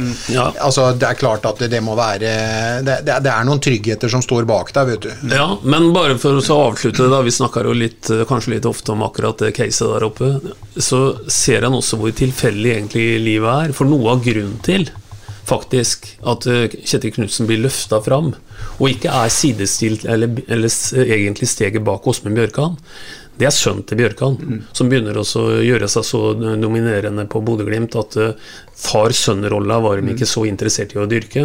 Så egentlig så tar Åsmund Bjørkan et steg tilbake. Så tilfeldig kan det være. Vi registrerer også at uh, det er ny sjef på Lerkendal. Der skal det bli nye koster og nytt opplegg, og Rosenborg er optimister igjen. Bortsett fra han gamle kollegaen min som er grinete, selvfølgelig, han uh, Otto Ulstein. Eh, Ulset. Som jo slakter alt. Eh, Molde henter unge gutter fra Mjøndalen bl.a. og betaler over 10 millioner kroner for uh, helt ubeskrevne blader. Det er nye tider når det gjelder økonomi i norsk òg. Ja, det er nye tider, og på Romerike så har de en podkast hvor, hvor, um, hvor Tom Nordli sitter, apropos Muppet Show. Han eh, siterte Geir Bakke på at eh, det koker mer i Lillestrøm under korona enn det gjør under normale omstendigheter i Sarpsborg 08. Ja. Bare for å illustrere hans mening om at det var et helt for ubeskrevet blad de nå har ansatt som trener i Lillestrøm. Men ingen spør lenger Tom Nordli om det. Han er, eh, han er devaluert til en sidekick i poden deres. Bra. Avslutter med å sette litt blikk i våre naboer i Fredrikstad. Det har ikke skjedd mye der. Er det noen som er, eh, er dere engstelige på det med Sveinesven, med tanke på at det ikke har kommet noen særlig spillere inn? Ja, nå, det gjør vondt i kropp og sjel. Det var ikke det jeg tenkte på. Nei. Nei, vet du hva. Eh, Fredrikstad må virkelig ut og finne, finne opp litt krutt, altså. For det føler meg rimelig sikker det laget som står der nede akkurat nå, det har ikke Liv laga i toppdivisjon. Det kom, et, eh, kom en nyhet i dag, Petter. De har fått tilslaget på en keeper fra Hobro i Danmark for seks millioner norske antagelig. Og Vi snakker mye om local lads her eh, oppe. De har hatt tre stykker som har vært mye med. Han ene han ble dimittert nå før de gikk opp, han eh, som de kaller for Rolls-Royce Iniesta. Han, mm. Håvard Aasheim. Eh, Ludvig Begby han spilte ikke noe særlig i Obos. Da er det vel matematikk at det blir ikke veldig mye spill i Eliteserien. Og nå eh, brenner vel et blått lys for eh, keeperen, som er den tredje lokale alibi der nede. da. For eh, de legger vel ikke seks millioner på bordet for en dansk keeper hvis de ikke har tenkt å bruke den, tenker jeg. Nei. Og der er det vel fotarbeider, kanskje, Bingen, som, eh, som er forskjellen på, på han Håvard eh, Jensen, er det han heter, og en toppkeeper. Altså spille med Lars bakken. Ja, med ball i bena, ja. Det er jo det som han uh, gjør. Det er jo der du aldri vet hvor haren hopper på han. Men uh, ja, han uh, har jo Han skal sikkert være med videre, men han får en skikkelig en å bryne seg, bryne seg med, da. Og det betyr at eh, 13. april så er det eh, 13. april, ja. 14 13. april så er det Magna Rødegård som er eneste muligheten for at det blir en eh, lokal spiller i det første lokaloppgjøret i Eliteserien siden 2011. Tarek, da, mulig. Tarek mulig. Mulig. Per nå er det bare Magna Rødegård og keeperen til FFK som er i nærheten. Kan vi la det være siste ord, eller har du noe mer på hjertet? Ja, du, du kan jo Hver gang vi skal podde framover, kan vel du så inn eh, det som du sier nå, at det skal bli mye teppelegging av, eh, av fotballens fest av 13. april? Ja, det skal vi gjøre. Det er TV-sending over eh, mange timer. Og i den TV-sendinga, tro det eller ei, så blir det en time og halvannen med podkast midt i der, med dere tre til stede, med kamera og greier. Da må du ta Borten, Sven. Bart, jeg barberte meg i går. Og så blir det mye snadder. Jeg jobber med litt av hvert som kommer til å bli litt morsomt den dagen der. Som da ender ut i en eh, kamp på Fredrikstad stadion som eh, det stiller store forventninger til. Er det grunn til å begynne å grue seg allerede? Nei. Nei. Ingen grunn til å grue seg. Nei, ikke ennå. Ikke ennå. Vi er eh, tilbake med en ny podkast om ikke så altfor lenge, vet ikke helt når, men uh, første treningskampen til Sarpsborg 8 det er 27. januar, lørdag 27. januar på Sarpsborg stadion mot uh, Sandefjord. Og så reiser man til uh, Marbella uka etterpå, og der kommer et par i hvert fall et par podkaster derfra som undertegnede skal lage. Og Der skal man møte både Hammarby og AIK, og så går det slag i slag fram til og med 23. mars, da det er eh, generalprøve mot IFK Göteborg i Göteborg, og så er det seriestart 1. april mot Viking i Stavanger. Så det er mye å glede seg til. Får jeg bare avslutte med en liten quiz til deg, ja, Petter? Du, du jobber jo med sport, så dette er regner jeg med bare for å så, så inn dette, så bør det være veldig enkelt. det liksom, skal du svare på titallet, liksom? Ja, Ja. nå kommer det. Ja. Hva var for en relativt oppsiktsvekkende vintersportspris som ble delt ut på lørdagen? Med litt sånn kobling mot lokal tilhørighet. ja, det var enkelt. Ja, Ja, det er da skøyteløperen eh, Ragne Wiklund som har eh, besteforeldre ja Så du var, du, fordi jeg kunne svaret, så ville Men du liksom det er, ikke det- er det å, å liksom Ja, erstatte det? Ragne Wiklund. Ja. Ja, er? Vær så god. Ja. Vær så god. Faren hennes er jo vokst opp i Sarpsborg. Jo Wiklund og besteforeldra bor på Kulon. Og hun er egentlig lokal. Det visste jo alle. Men den var jo så en... Hvorfor skal de gi han sånn enkel en når han eh, kommer med noe fra 1904 til oss? vi. Ja, nå vi sier vi si at det. eh, det er greit. Vi takker for oss. Takker for deg, Bingen. det er nær sagt. Takk for deg, Bingen. Takk for nå. Takk for deg, Sven Nygaard, takk, og takk for innsatsen, Øystein Veberg. Vi er eh, raskt tilbake. Skal vi ta en Skal vi kan ikke tippe noe ennå, vel? Nei, det er bare positivitet nå som vi drar inn med oss gjennom Ja. alt og alle. Jeg gjentar at jeg vedder en halvliter på at Bjørn Inge Utvik spiller i Sarpsborg 8 også i 2024. Ja, Da vedder vi vel den imot, altså. Da får du tre og Dere igjen. Ja. Eller et eller annet. Ja, Vi gjør jeg det, da. var ikke imot. Nei, bra. Vi prekes. Prekes. Prekas. SA-podden presenteres av Fleksi. Regnskap med et smil. Ukens annonsør er HelloFresh. HelloFresh er verdens ledende matkasseleverandør og kan være redningen i en travel hverdag. Mange av oss har nok vandret i butikken både sultne og uten en plan for middagen, som ender med at vi går for de samme kjedelige rettene gang på gang. Middag burde være dagens høydepunkt. Som HelloFresh kan du nå velge mellom 25 ulike retter hver eneste uke, eller få HelloFresh til å sette sammen menyen for deg. Dette gir deg muligheten til å prøve nye og spennende retter alene eller sammen med familien. Du velger antall porsjoner og får alt levert på døren på et tidspunkt som passer for deg. Oppskriftene er enkle, og maten er lett å lage både for store og for små. Ved å få alt levert hjem får du også mer tid til å dele matgleden med familie og venner. Kanskje det frister med asiatiske tacos eller greskinspirert kylling? Da kan jeg anbefale deg om å gå inn på hellofresh.no. Her kan du bruke koden FOTBALL og få opptil 1779 kroner i rabatt på de første fem matkastene hvis du ikke har prøvd HelloFresh tidligere. Du kan også bruke rabatten hvis du har vært kunde og stoppet abonnementet ditt for tolv måneder siden eller lengre. Gå inn på hellofresh.no og bruk koden FOTBALL. Har du et enkeltpersonforetak eller en liten bedrift? Da er du sikkert lei av å høre meg snakke om hvor enkelt det er med kvitteringer og bilag i fiken, så vi eh, gir oss her, vi. Fordi vi liker enkelt. Fiken superenkelt regnskap.